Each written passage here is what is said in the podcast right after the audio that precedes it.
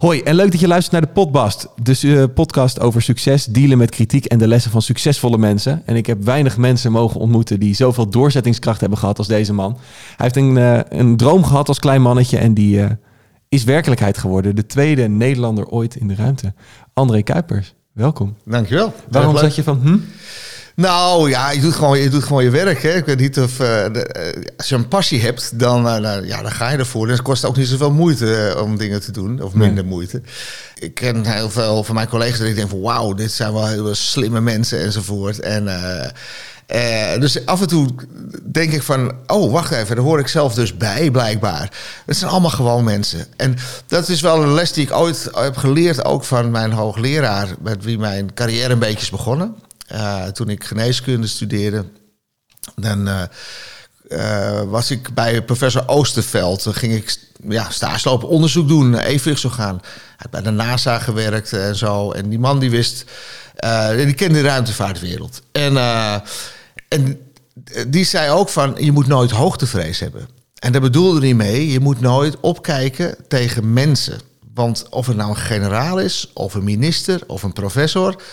Het zijn allemaal gewoon mensen. En je hebben gewoon hun werk, hun passie en leuke karakters, nare karakters. Dat maakt allemaal niet uit. Het zijn gewoon mensen.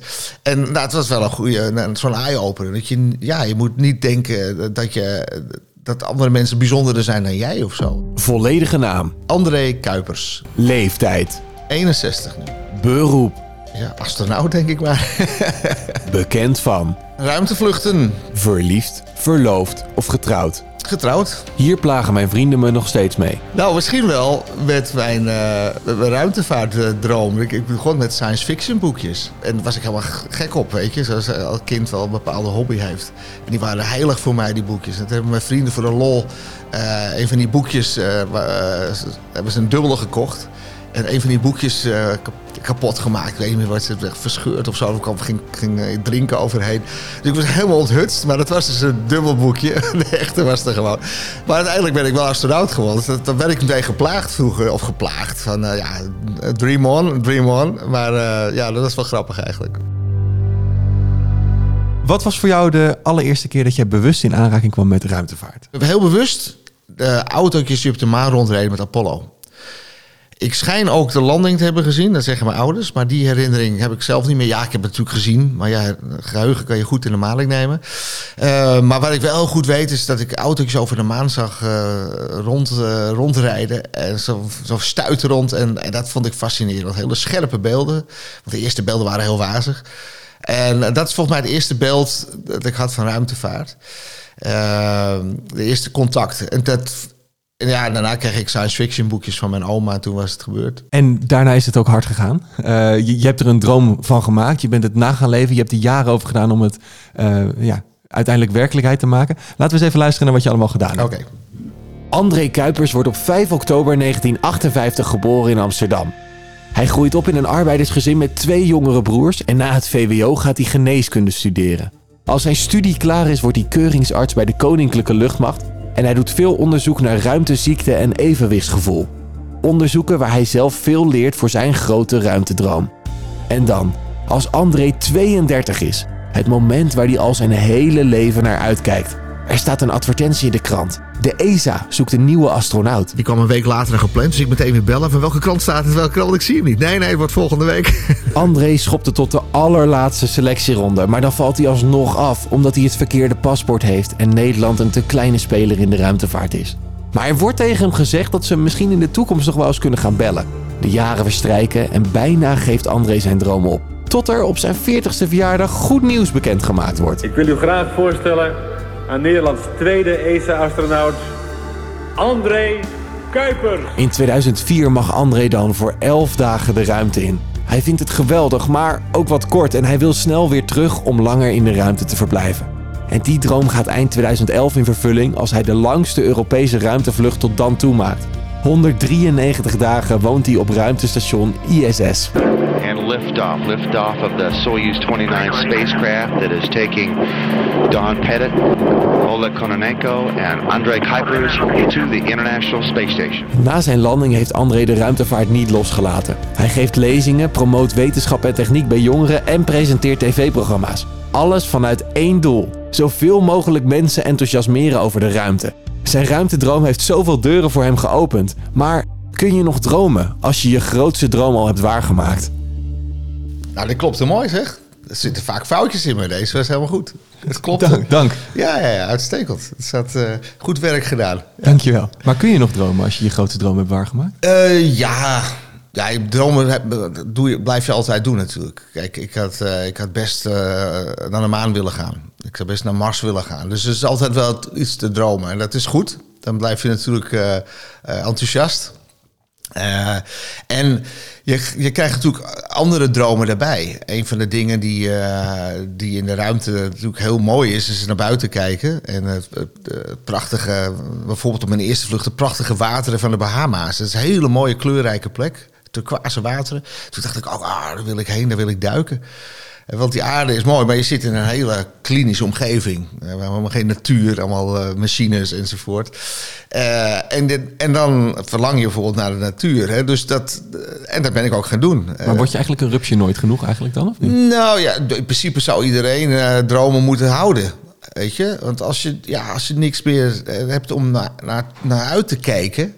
Ja, dan zit je dus achter geraniums en dan eh, houdt het op. Ja. En dan eh, wordt het... Dus je moet allemaal... Ook, dat kunnen hele kleine dingen zijn. Gewoon een, eh, een film die je wil zien. Of van een bepaalde plant kopen. Noem maar iets, weet je. Dat je, je, je moet ergens naar, naartoe kunnen... toe kunnen werken. En dat je iets wil bereiken, iets wil leren, iets wil ja, ervaren. En dus ja, dat gaat gewoon door. In, die zin een rupsje nood genoeg, ja. ja. Dus er zoveel mooie dingen op deze planeet te beleven en eh, te ervaren. Laten we eens teruggaan naar de hele kleine André. De Ja. André in de kleuterklas. Wat wilde je worden? De kleuterklas, nou, de eerste beroepen waar ik, eh, wat ik wilde worden, dat, ja, dan ben je al, zit je al wat latere klassen. Maar mijn oma die gaf mij een boekje over archeologie. En dat vond ik fascinerend. Opgravingen, oude Grieken en Romeinen. Dat vond ik fascinerend. Ehm, ik, was, eh, ik, ik las de serie De Discus. En eh, ja, dat vond ik spectaculair. Het was een soort spin-off, of tenminste een soort Nederlandse variatie op de Thunderbirds. En eh, die, ja, zo'n gezin die eh, allemaal avonturen beleefde en mensen redden en zo. En eh, eh, dat, vond ik, eh, dat vond ik heel boeiend. Ik wilde, ik, ik, ik wilde, eh, ik las natuurlijk ook strips, hè, zoals Kuifje. En journalist leek me ook een, een te gek vak. Want eh, dan kon je allerlei dingen beleven en op allerlei spannende gebieden kon je komen enzovoort. Tot ik die discus las, want in de discus waren de journalisten, dat waren degenen die niet hielpen, maar alleen maar foto's gingen maken. De sensatiezoeker. En toen dacht ik, oké, ik word geen journalist. en, eh, dus ja, het heeft allerlei dingen gehad. En tot mijn twaalfde. En toen kwam, toen kwam mijn oma met science fiction boekjes. En, eh, en eh, ja, Apollo-vluchten, Thunderbirds eh, enzovoort.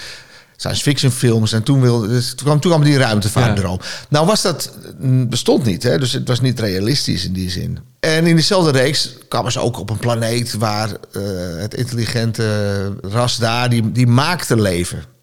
En maakte slaven met vier armen die ervoor ze konden werken. Dat soort verhalen. En eh, toen dacht ik van, ja, hoe zit dat eigenlijk leven? Hè? Dus ik, was, ik raakte geïnteresseerd in, in eh, dingen als biochemie. En hoe weet een oogcel nou dat die oogcel moet worden? En hoe werkt een spier eigenlijk? Dus toen, dat heeft dus dezelfde bron. Mijn, mijn science fiction droom, eh, of die ruimtevaartdroom en, eh, en de geneeskundedroom, heeft dezelfde bron. Ja. En eigenlijk zijn er drie dingen die mij, eh, die eigenlijk eh, bij beide van belang zijn. De een is het, het avontuur. Eh, dus bij de ruimtevaart was dat eh, raketten, ruimte pakken, eh, andere planeten, spannend. En in de geneeskunde ja, was dat spannend. Hè? Zwaailicht op een regenachtige avond, eerste hulpwerk enzovoort. Dus de avontuur, spanning. Tweede was schoonheid. Ik zag op een gegeven moment die, eh, die foto's vanuit de Space Shuttle en IMAX films. En ik denk, wauw, weet je, dit wil ik ook zien. Dat is prachtig, die, die ruimtevaart en die, de aarde.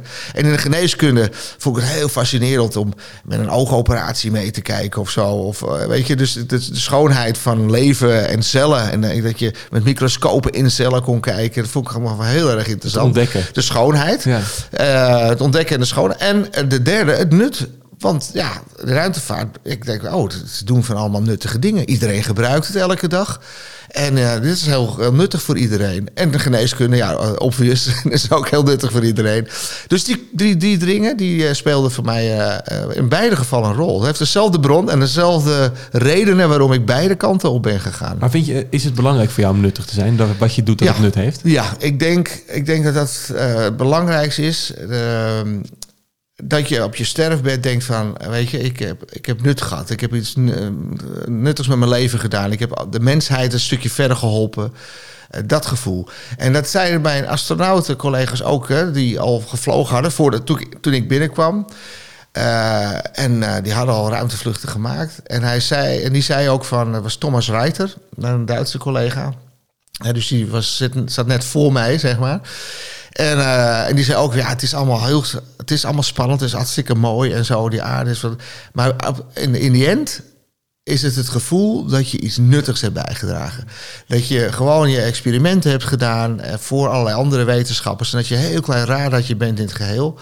En, eh, en dat is het ook. Weet je, de long run, die prachtige dingen die je hebt gezien, dat, dat, dat zijn herinneringen, dat worden foto's enzovoort. De avonturen, ja, dat is leuk. Het is leuk voor in de stoel en te vertellen.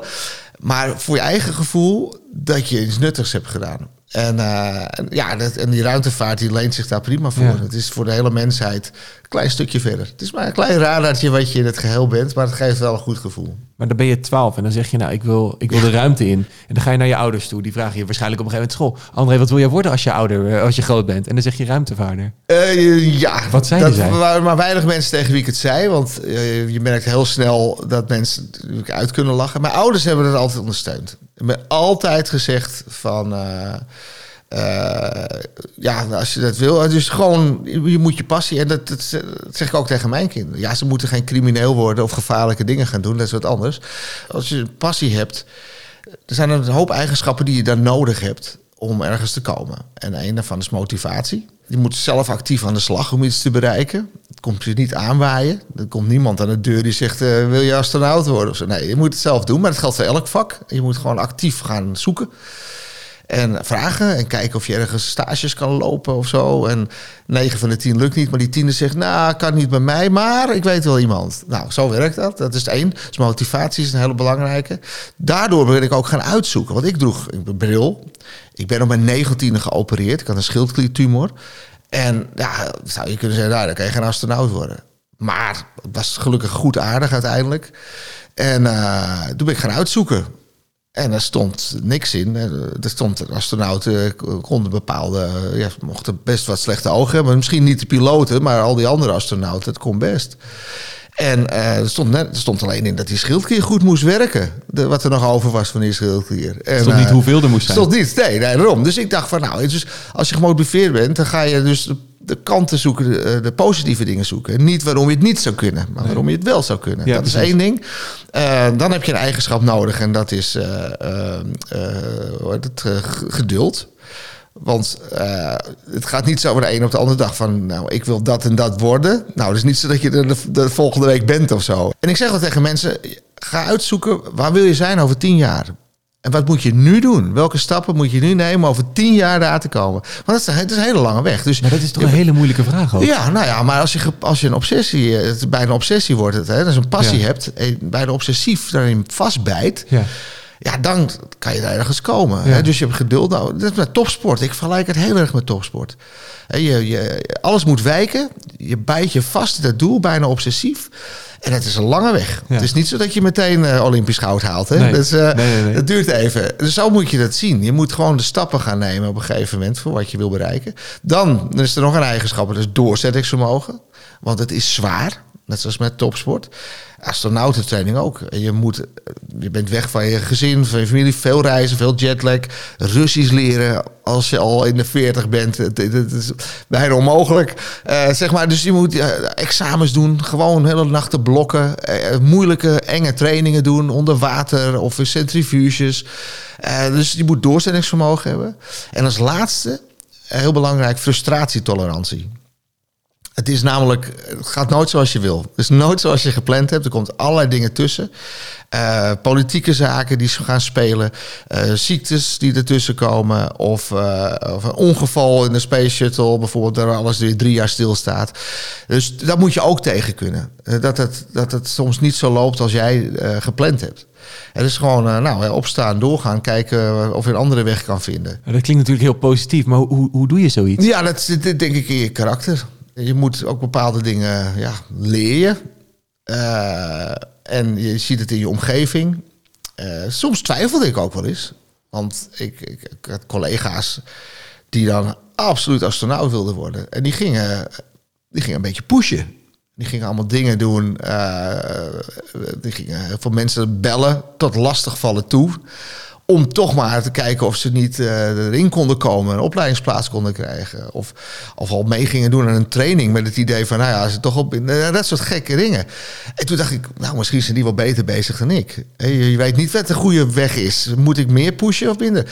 Als ik niet, als ik uh, als ik niks la niet laat blijken dat ik uh, gemotiveerd ben, dan is het ook niet goed. Dan weten ze niet eens dat je mee wil. nee, precies. En, maar als je te veel pusht, dus ja, het is, het is niet een hele duidelijke weg. Maar waar ligt die grens dan tussen motivatie en pushen? Ja, dat is Want moeilijk. die is heel dun, Die toch? is dun, ja. ja. ja moet, en het ligt ook aan de figuur uh, bij wie je aanklopt. Ja. En ik denk, het is heel belangrijk dat je actief aan de slag gaat. Uh, dat je, uh, als je iets wil, als je een bepaald beroep wil, dat je gewoon actief gaat solliciteren en gaat vragen. Maar ja, niet te ver gaan. Als het nee, niet lukt, dan moet je niet door blijven pushen. Dan moet je andere route zoeken, andere richting zoeken. Terug naar jaren geleden, want jij werd op een gegeven moment na je opleiding keuringsarts bij de luchtmacht. Ook vanuit de gedachte natuurlijk weer, dit heb ik nodig om voor mijn droom te werken? Of? Nou, de luchtmacht deed ik over het onderzoek. Hè. De keuringen deed ik later. Ik ben bij een, een onderzoeksinstituut gaan werken in Soesterberg. Dat is nu deel van de luchtmacht overigens. Daar werden de vliegers gekeurd, maar daar deden we ook onderzoek.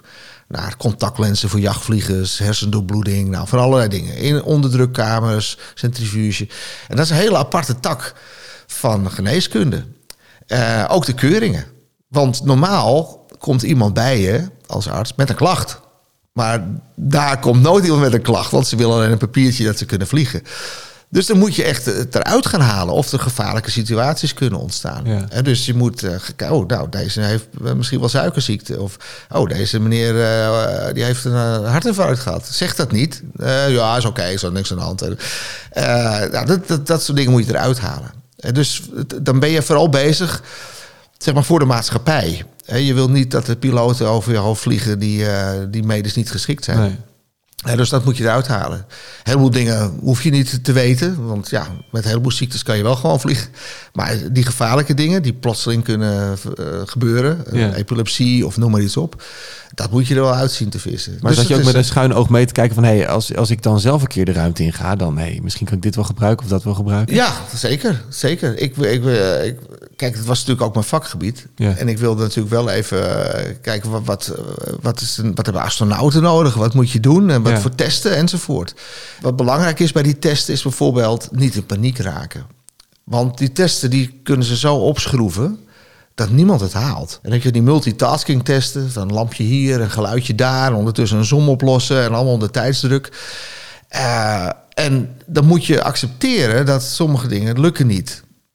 Maar wel gewoon doorgaan. En dat is wat ze zoeken. Ja. Eh, want oké, die test kan je zo moeilijk maken, zo snel maken dat niemand hem kan natuurlijk. Eh, maar ze willen gewoon kijken wat voor vlees hebben ze in de kuip. Ja. Is dat iemand die onder druk eh, gewoon door kan gaan in bepaalde dingen, belangrijke dingen kan behouden, onbelangrijke dingen kan laten vallen. En sommige testen, ja, sommige testen heb je, dat is gewoon aanleg Ja. eh, diepte zien of eh, concentratie. Ja, concentratie kan je natuurlijk wel eh, leren, maar eh, intelligentietesten. Ja. ja, dat zijn testen die je. Die, eh, ja, die heb je nou eenmaal, Ja. eh, die intelligentie of niet. Dus sommige testen kan je niet, eh, kan je niet oefenen of zo. Nee, Nee. maar er zijn ook dingen die je bijvoorbeeld in een sollicitatiegesprek goed mee kan nemen, toch? Tenminste, als ik je hoor, zo hoor zeggen van... soms maakt het antwoord eigenlijk helemaal niet uit. Het gaat erom Nee, hoe je het Dat is redeneert. waar. Ja, dat is ook zo. Interviews voor astronauten, die waren aan het einde had je een grote commissie, ik denk 15 mensen, grote tafel. Dan mocht je binnenkomen, gaan zitten. En dacht anderhalf uur of zo werden vragen op je afgevuurd. Door allerlei soorten mensen. Natuurkundigen, er zat een F-16-piloot in, ook astronauten. En dan kreeg je allerlei soorten vragen. En, en een vraag was bijvoorbeeld: wat is de temperatuur van het water op de oceaanbodem? En, eh, en nou, dat is 4 graden. Vanwege de druk kan het niet kouder, wordt ijs worden, ijs wordt groter, nou, enzovoort. Dus moet je gaan redeneren. Ze willen weten hoe je denkt. Eh, bijvoorbeeld, ik, in mijn cv stond dat ik op rock'n'roll dans had gezeten. Demonstraties en, en, en dat soort dingen had gedaan, wedstrijdjes. En dan werd de vraag gesteld. Ik denk, we hebben ook al stelde die vraag toen aan mij. Hij zegt, kan je rock'n'roll dansen op de maan? En dat is natuurlijk een hele leuke vraag. Want je hebt daar 1 zesde zwaartekracht. En mijn antwoord was, ja, je kan waarschijnlijk wel walsen, maar rock'n'roll wat lastig. Want je hebt korte, korte, ja, als je een stap maakt, dan duurt het even voordat je op de grond bent. En dus dat soort vragen kwamen er. Waarom vliegen insecten rond een licht? Eh, en een hele leuke was, dat vond ik eh, mooie die dat illustreerde. Ehm, een natuurkundige vroeg dat. Hij zei van ja, ja als je, st- je hebt allerlei kleuren licht. En eh, welk eh, licht, welke kleur zie je het, het snelst of het, het eerst? En ik, ik dacht, nou, een natuurkundige die dat vraagt aan mij. Nou, je weet, als je naar de zonsondergang kijkt, rood licht komt verder door de atmosfeer. Blauw licht wordt verspreid, daarom is de lucht blauw. En rode licht gaat het beste er doorheen, die frequentie. En eh, dat is daarom wordt de zon steeds roder. Dus ik zeg, nou, rood licht. En hij zei van, nou, u als arts moet toch weten dat u het ooggevoeligste is voor groen licht. En dat vond ik, dus ik dacht op zijn gebied en hij dacht op mijn gebied. Ja, dat, dat, dat, dat soort eh, dingen. Dus ja, dus sommige antwoorden weet je niet echt. Eh, maar het gaat erom hoe je denkt, hoe Ja. je redeneert. Maar dacht je op zo'n moment ook, ja, nou kut, ik heb het verpest. Ik zit bij die laatste ronde nu Nee, maar. nee, nee. Weet je waarom ik dat wel dacht? Niet vanwege de vragen. Dat ging best leuk. Het was gezellig. Gewoon eh, lekker kletsen en redeneren. Maar toen stond ik op. En ik had een glas suderans gekregen. En ik gooide zo dat glas suderans over tafel. En toen dacht ik even, oei, nu heb ik toch wel laten zien dat ik heel onhandig ben. Ja. Maar ja, de, de manier waarop ik te reageerde, ik zei, oh, ja, sorry. En nou, ik zag papier staan, kunt u me het papier even geven? Nee, dat was wel goed. En, en toch word je gebeld voor de volgende ronde. Ja. En eh, ik weet niet waarom. Ik heb dat nooit gevraagd eh, aan die mensen van die commissie. Waar, eh, eh, maar misschien omdat je dan toch rustig reageert en een oplossing zoekt of zo. Ik weet, je weet niet hoe ze denken. Nee. Ik heb wel eens gevraagd aan een van de medische eh, eh, mensen van de medische keuring. Dat was overigens, eh, in, in de Nederlandse zat professor Oosterveld erin. Nou, die kende mij dus. En die heeft heel keurig gezegd, van, eh, die zat in die commissie... en die heeft gezegd, ik onthoud me van stemming... want er moet steeds gestemd worden. Ja. Want ik ken deze persoon, eh, Ja. ik stem heel netjes. En ik heb wel eens gevraagd, van, hoe gaat dat dan, hè, die medische keuring? Nou, hij zegt, je krijgt zo'n stapel van een meter hoog... met, met, met statussen van, van kandidaten... En de opdracht is terugbrengen tot, eh 10 tot 5 centimeter of zo.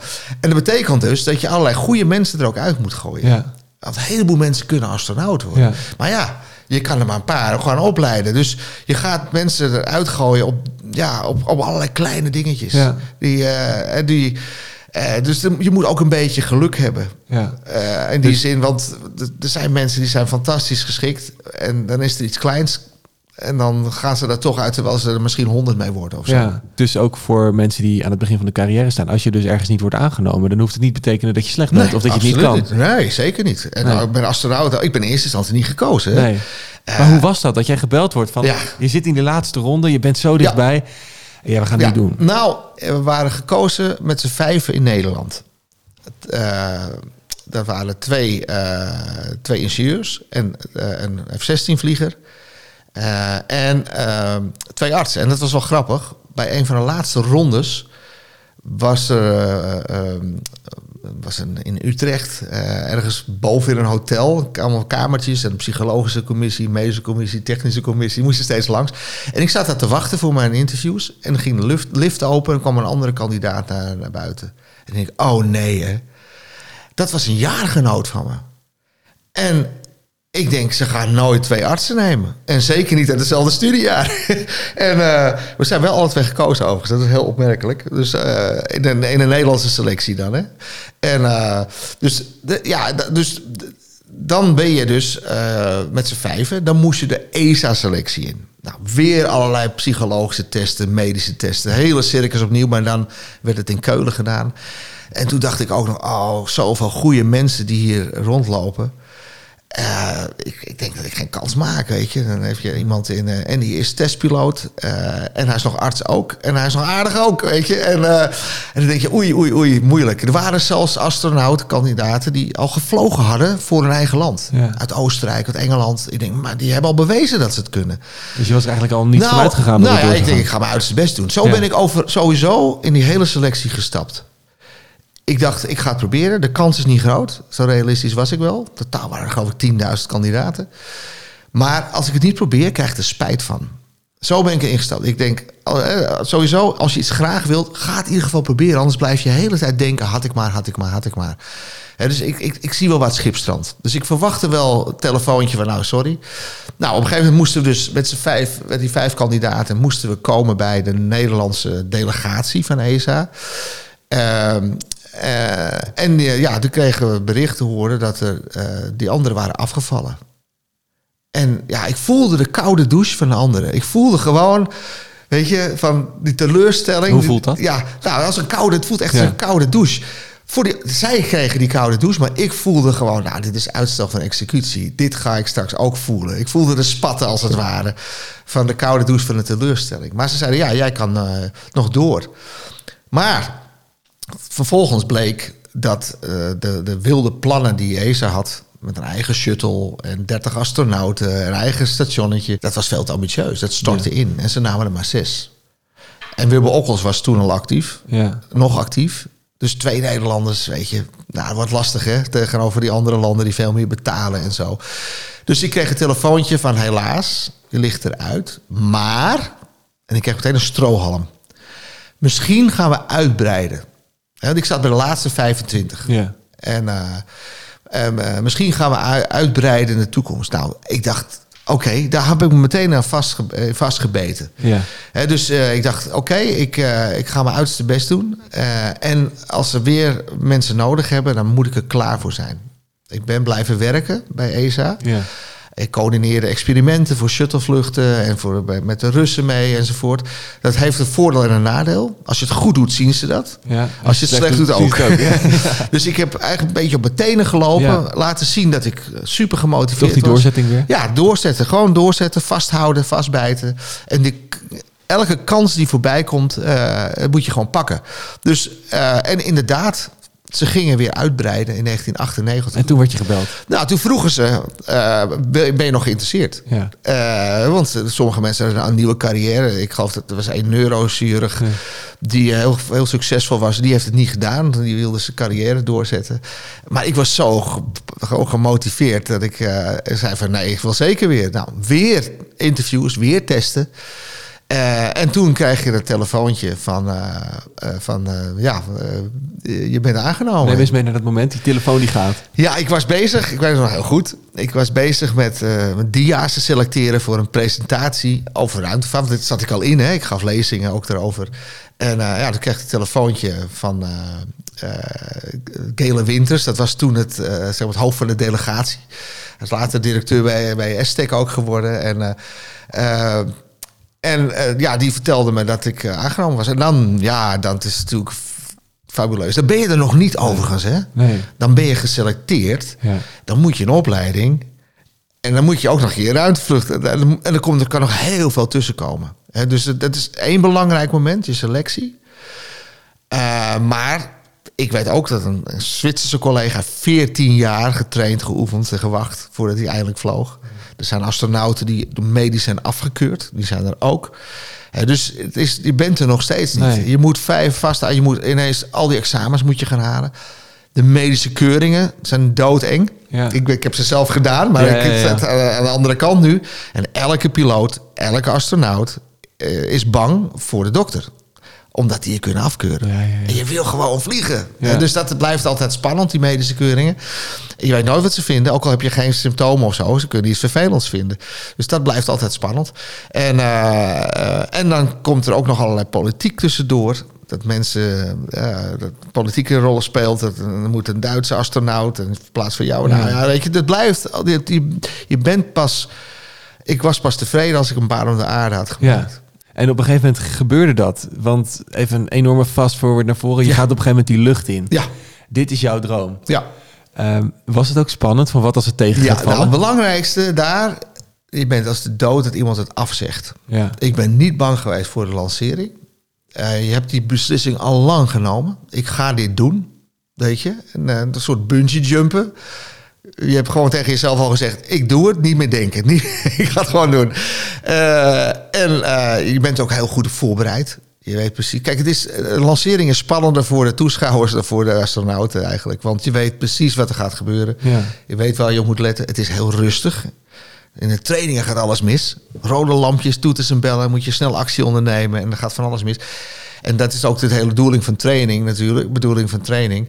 eh, dat je op een hoog niveau het, aan kan. Zodat als er iets kleins gebeurt, dat het niet zo moeilijk meer is. Ja. Ehm, en dat was dus bij mij ook. Dus eh, ik, het belangrijkste vond ik dat het niet werd, op het laatste moment werd afgeblazen. Wat bij de shuttle nog wel eens gebeurde. Ja. En dan eh, zit je in die cockpit. En ja, 33 jaar had ik daarvan gedroomd. Ja. En getraind en gehoopt en voorbereid en zo. Eh, ik was vooral geconcentreerd op mijn taak. Want de grootste angst van astronauten is een stomme fout maken. Niet dat je omkomt of zo. Als het gebeurt, Dat is toch snel. Ja, maar het is snel gebeurd, weet je. Zo, Ja. Daar daar ben ik niet bang voor geweest. Eh, ook bij de terugkeer niet. Die is nog veel spectaculairder. Maar je bent vooral, je wil geen fouten maken. De grote angst is een fout maken. Ja. En dat hebben astronauten gedaan. Er is wel eens iemand die heeft een robotarm een satelliet aangetikt en die ging tuimelen. Of een rek gekanteld waardoor kabels scheurden. Of Ja. een grote zak met heel duur het gereedschap eh, verloren en wegges is weggesweefd. Nou, dat soort fouten wil je niet, want die, zitten, die blijven aan je plakken. Dus je bent vooral bang om fouten te maken. En mijn concentratie was vooral op eh, het laatste moment van een lancering. Heel veel gaat automatisch. Op het laatst moeten de, de, ons ruimteschip loskoppelen van de derde trap. En dan moeten er bepaalde lampjes aangaan, andere uitblijven. Zo niet, hè, dan, moet je zelf loskoppelen. Dan moet je, je heb je, wat is het, vijf of tien seconden om eh, een paar knoppen in te drukken, of schakelen om te zetten en tegelijkertijd twee knoppen in te drukken. Daar ben je op geconcentreerd. Weet je, want je wil niet dat de hele missie mislukt door een fout van jou. En dus het is vooral concentratie. Ja. waar Dus je mee bent eigenlijk helemaal niet bezig met je droom nog op dat moment. Nee, oh nee, nee, Het nee. is gewoon werken, werken, werken. Absoluut. Ja. Die, dat is wel heel, eh, een heel groot verschil tussen de werkelijkheid Ja. en de droom. Ja. Nou is dat sowieso het in, de wereld ook. eh, Ik bedoel, eh, mensen dromen altijd van prachtige palmeilanden. Maar als Hmm. je er staat, is het bloedheet. Je wordt gebeden door zandvlooien, je hebt dorst enzovoort. Werkelijkheid en fantasie komt niet altijd overeen. Eh, dat geldt in de ruimte ook. Het is hard werken. En eh, zeker de eerste vlucht. Elke minuut zit vol. Ja. Ehm, en je wil geen fouten maken. Dus wat je op de grond in een half uurtje doet, daar stop je veel meer tijd in. Van, oh, even controleren, weet ik het wel zeker. Want je, eh, alles moet goed gaan. De omgeving is raar, dus je moet je sowieso al concentreren. Het is niet zoals je normaal gewend bent in een lab. Dus je bent eigenlijk vooral bezig met je werk goed doen. Ja. En de droom is er eigenlijk niet. Die komt op bepaalde momenten pas. En, daar, en die droom was, als je bijvoorbeeld naar buiten kijkt, in rustige module. Je kijkt wel eens naar buiten, maar ja, het is net alsof je een foto ziet en je moet weer verder. Eh, maar dan neem je even rust, ga je in een donkere module en dan bij het raam. En dan ineens, toen drong het op me door. Oh, wacht even, ik ben niet in een lab. Ik ben hier buiten de aarde. Ik zweef hier en de aarde is daar. Ik hoor daar eigenlijk niet meer bij. En ja, dan heb je pas weer door dat, dat het heel, hoe bijzonder het is. Ja. Eh, en wat daarbij helpt, is muziek. Want wat is die droom? Wat was mijn droom? En wat is de droom van velen? Dat is een, een, een plaatje wat je in je hoofd hebt. Of je nou Formule 1 racer wil worden, of chirurg, of weet ik veel wat. En daar hoort een omgeving bij. Er, hoort, er horen geluiden bij. Er, horen, er hoort ook muziek bij. En En ik nam mijn, mijn muziek mee die met ruimtevaart associeerde. Die Ja. bij documentaires hoort. Hè? Of, of eh, natuurlijk de jaren 70 popmuziek. eh, David Bowie of, of, eh, of eh, Rocketman en van Elton John. Of dat soort muziek. Maar ook muziek van films. Ja. Ik had filmmuziek bij me. Vangelis was, speelde een belangrijke rol. Muziek van Pink Floyd. Al van die spacey eh, gebeuren. En dan ging ik naar buiten kijken met die muziek op. En dan was ik weer in mijn droom. Ja. Weet je, dus ik had heel veel documentaires gingen mee. Vooral mijn tweede vlucht. Hè. Eerste vlucht niet veel tijd voor dat soort dingen. Tweede vlucht was een half jaar. Gewoon om die, die, die droom van vroeger, de serie Cosmos met Ja. Carl Sagan uit de jaren tachtig. Dat ik hebben we helemaal gezien daarboven. En dan kijk ik daarnaar en dan denk ik, wauw, te gek. En dan realiseer ik me, oh, dat doe ik zelf nu ook. Ja. Ik ben nu een van die astronauten. Maar het, is, het, het moet je opwekken. Je moest, Ja. moest, ik moest mijn jongensdroom weer Je opwekken moest met af muziek. en toe realiseren waar ja, je was. Ja, want het, voor de rest is het gewoon werk. Het geldt voor elk vak. Op een gegeven moment is de, is de, de, de droom weg en is het er gewoon vak geworden. Eh, als je staat te opereren, ja, de prachtige droom van die piepjes en spanning, maar je bent gewoon moe en je bent het alweer. Naar huis. Je, ja, precies. Weet je, dus dat, dat, dat geldt voor elk vak natuurlijk. Ja. Dus dat is wel. eh, eh, maar af en toe komt het weer terug. En je kan het dus opwekken weer Ja. met muziek en, en, en beeld van vroeger. Ja Hoe deelt André Kuipers met kritiek? lastig soms. Niet tijdens de opleiding. Dat, dat, de bedoeling is ook dat je fouten maakt. Eh, eigenlijk heb ik het meest geleerd van dingen die ik fout heb gedaan. Dat je echt oh, tijdens een, een training jezelf voor je kop slaat. Eh, maar daar leer je wel het meeste van. En dus eh, als het in, het, zeg maar in de training zit, dan kan ik dat. dat dat is gewoon dat, dat, dat wat je instructeur je vertelt. Ja. Die, die vertelt je wat je Ja. moet doen. En, en dan, dat is een ander soort. Dus daar ben ik. Daar kan ik goed bij. Een vlieginstructeur of zo. En dan, eh, ja, daar, daarvoor zit ik daar, Ja. weet je. Ik wil Maar je zei wel lastig. nou, die dingen vind ik niet lastig. Eh, Maar wat, wat instructeurs tegen je vertellen, dat, dat vind ik, eh, dat, daarvoor ben ik er ook. En Ja. wil ik eigenlijk ook Ja. gewoon horen. Eh, maar kritiek op bepaalde gewoontes die je hebt of zo, dat, ja, dat, dat, kan, dat vind ik soms irritant. En wat voor kritiek krijg je dan? Ja, dan heb ik toch nog een extra koekje of zo. Ja, krijg je kritiek op. En denk ja, ze hebben gelijk, maar het voelt, voelt je, dan voel je je weer eh, eh, ja, afgestraft of zo. Ja, ja, als een klein kind. En daar komt dat gevoel weer even boven. Maar Dat kan. kritiek op werk of op, op, op studie, zeg maar, daar zei je van dat hoort er natuurlijk bij. Ja. Maar dat is ook niet altijd makkelijk. Eh, en ook voor de luisteraars van Potbas die aan het begin van hun carrière staan. Hoe kun je daar het best mee omgaan? Als iemand commentaar heeft op jouw werk of op je droom misschien wel. Mensen die kritiek hebben op je passie, ja, dat moet je nou eens af laten glijden. Want daar hebben zij niks mee te maken. Zij voelen dat niet. Ze hebben die passie niet. Dus dat, dat moet je van je af laten glijden. Maar eh, kritiek op je werk, als het terecht is, dan, eh, dan zou je dat te harte moeten nemen. Het ligt ook aan wie het geeft. Hè. Het, kunnen hele, het kunnen hele dingen zijn die, die niet terecht zijn. En dat is vervelend. En daar kan je wat van zeggen. Ja. Eh, dat, dat kan. Maar eh, als het terechte kritiek is, is het voor jezelf van belang van ja, ja, ik heb hier niet mijn best gedaan. Ik ben, ja, ik, ik ben eh, alweer te laat en eh, nu, moeten anderen mijn werk doen. En dat soort kritiek, als die terecht is, zou ik het gewoon accepteren. Er zijn heel veel mensen die twijfelen of het allemaal wel echt gebeurd is. Ook de ruimtevaart. En wat, Ja, dat, dat, dat hoort bij de complottheorieën. Ja. Er zijn mensen die overal, er eh, die gaan overal idiote dingen achterzoeken. Eh, die denken dat de Twin Towers zijn opgeblazen door de CIA. Dat de condensstreep van vliegtuigen, dat er chemische stofjes zijn om ons onder Ja. te houden. Ja, door de eeuwen heen zijn er altijd complottheorieën Ja. geweest. Eh, dingen verzinnen. Eh, de- nou, in de ruimtevaart het idem dito. Ja. Er is een heleboel zijn ervan. Hè, dat we bezocht worden door aliens, eh, UFO's. geen bewijzen voor. Eh, wetenschappers denken overigens wel dat er leven in het heelal is. Want de kansen zijn heel groot. Maar we hebben geen bewijs. Nee. Er zijn geen bewijzen voor. Dus, de- de- dus dat is één ding. Hè. De mensen die zeggen dat ze ontvoerd zijn door de groene mannetjes enzovoort. Nou, Ja. eh, dat is één vorm van, de, van eh, dat dingen niet, niet waar zijn. Tweede is, mensen zijn... je- de ruimtevaart kan niet. Eh, het zijn allemaal acteurs. het zijn acteurs. Eh, nou ja, goed. Wat moet ik daarop zeggen? Ik bedoel, we hebben alle beelden. Ik ben er zelf geweest. Eh, Ja. Goed, dat is één ding. Eh, kan je niet. De maanlandingen. Dat is ook een interessante. En dat is een leuke discussie. Want ze zeggen van ja, want ze gaan, komen dan met argumenten. van je ziet geen sterren. En dan denk ik van nou, als je het gefaked hebt, dan, dan doe je dat goed en dan maak je ook sterren. Nou, waarom zie je geen sterren? Omdat het veel te veel licht is op de pakken en de ruimteschepen. Ik zag ook geen sterren als ik overdag over de aarde vloog. Want dan zijn je pupillen heel klein. Dan vang je het licht van die sterren niet op. Maar als je aan de nachtkant komt, de pupillen worden groter, dan zie je de sterren wel. Als je foto's van de maan overbelicht, zie je de sterren weer. Want ze zijn er wel. Alleen, dat te maken gewoon met hoeveel het licht. Nou, dan zeggen ze van ja, de vlag wappert. Nou, op de foto, het is een foto, wappert niet. Hij, is, hij was gekreukeld. Hij is gekreukeld meegegeven. Of eh, uitgevouwen. En er zit een stang in. En om toch uit te, de, het, eh, eh. Ja, maar op filmpjes wappert hij wel. Dat klopt. Bij het opstijgen komen er uitlaatgassen uit het, de, de, de, de ascent stage. Er zijn gewoon gassen, zoals lucht, die de vlag... Overigens is de eerste vlag is omgewaaid, zelfs bij de lancering. Die stond er dichtbij.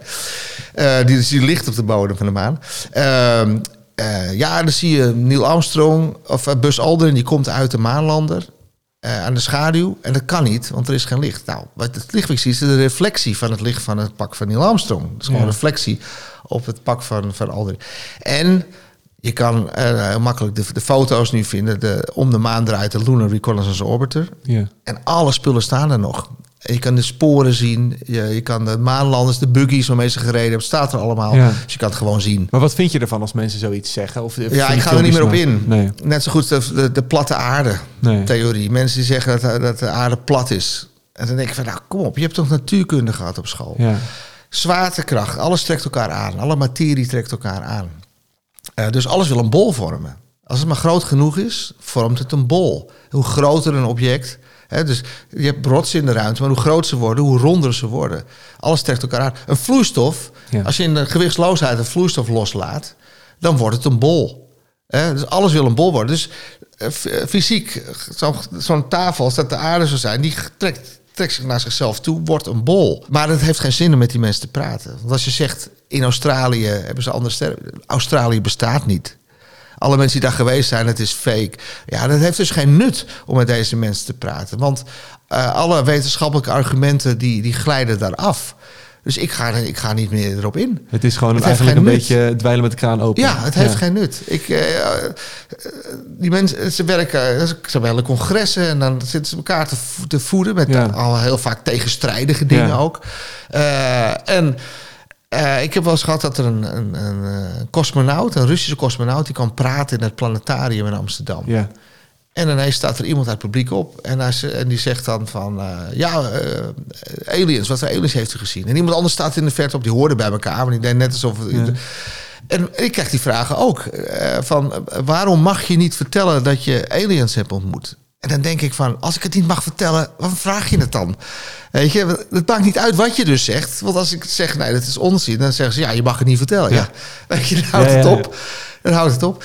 En eh, wat wel een hele leuke vraag is, die, eh, die natuurlijk van, krijg je daar, eh, word je daarvoor geïnstrueerd bij NASA? Wat je mag vertellen en wat niet. Nou ja, maar of je alien, wat- stel nou dat je het ontmoet.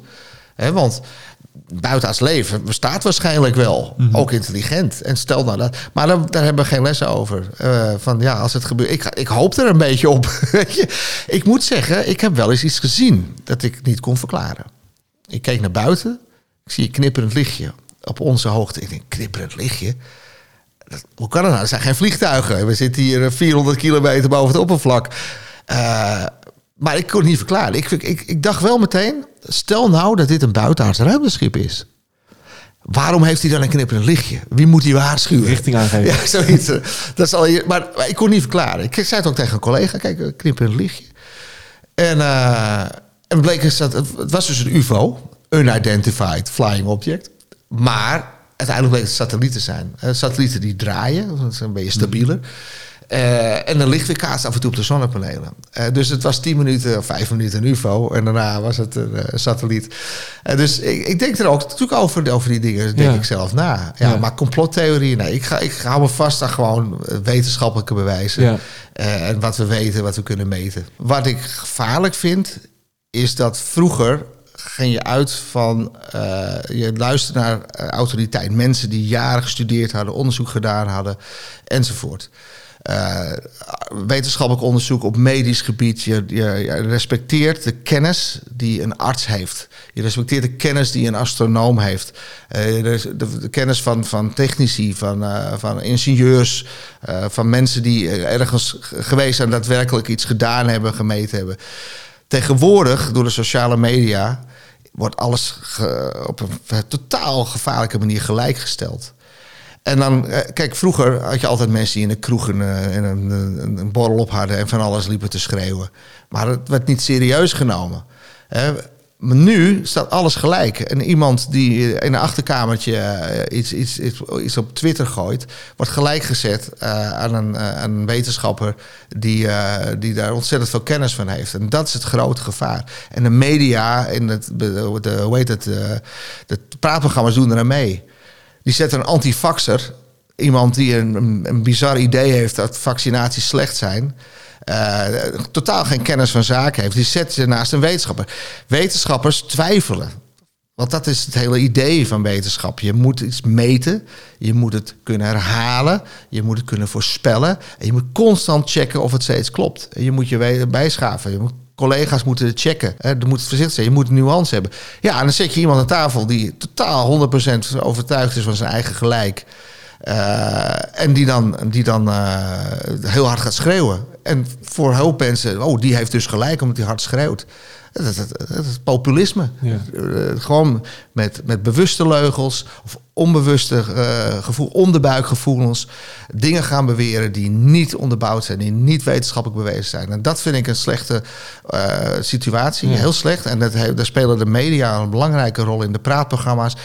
Je- Het is niet gelijk. Je zet twee mensen aan tafel die niet gelijk zijn.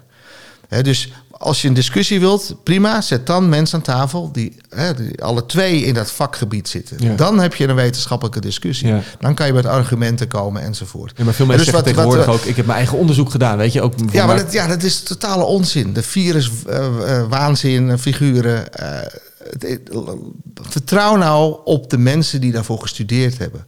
Daar zitten veiligheidsmechanismen zitten daar al in. Je hebt de, peer reviews, je hebt je collega's. Eh, dus daar moet je op vertrouwen.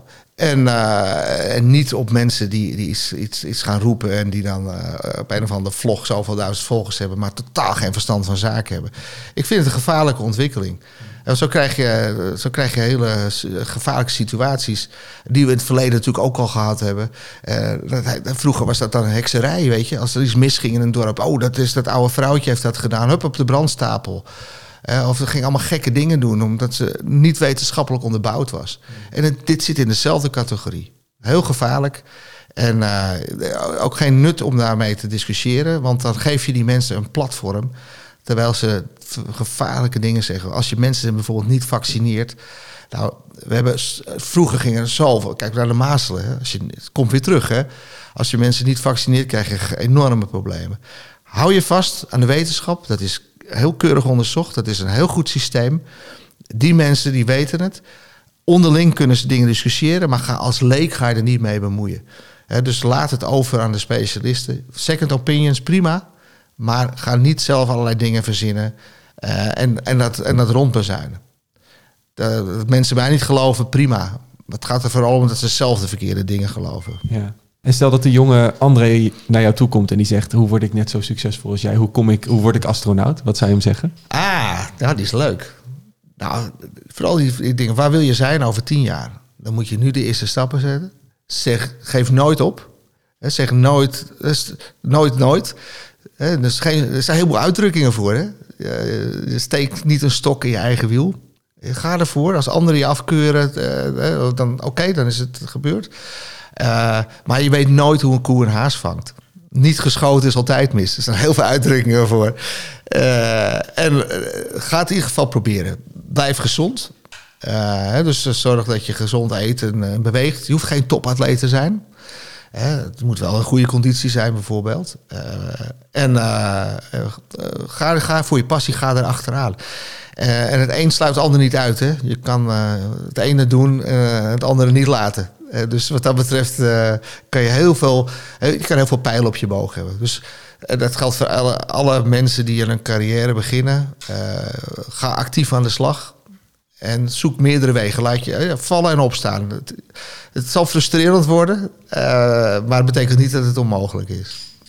Ik sluit de potbast altijd af met de potbast sticker met de vraag waar ga je hem plakken? Ah, hij is wel mooi. Gewoon qua vormgeving vind ik hem ook mooi. Dus hij moet eh, kijken op een mooie plek. Ja, misschien in de mediakamer, die is lekker donker. En daar past deze mooi bij namelijk. Dus donker met, eh, met goud. Ga ik hem doen. Je hebt er ook een paar gesigneerd voor luisteraars Ja, van de potbast. Klopt. Dus als je zegt van joh, ik wil dit graag, eh, ik zou graag een, een, een potbast sticker met de handtekening van André willen. Laat het even eh, weten, denk ik hè. Eh, deel de potbast dan in je Instagram story. Want eh, dan maak je er kans op. André, dankjewel. Met plezier. Dacht je dat het klaar was? Maar hier ben ik nog even. Dit is het einde van de 29ste podcast waarin ik heb verteld over mijn weg naar succes. Hopelijk heb je er wat van opgestoken. En als je dit een inspirerend gesprek vond, deel hem dan op je social media. En als je op Instagram de radiomeneer tagt, krijg je een door mij gesigneerde podcast sticker. Abonneer je gelijk ook even op de Podbast via je favoriete streamingsdienst als je dat nog niet gedaan hebt. De volgende Podbast wordt namelijk een feestelijke.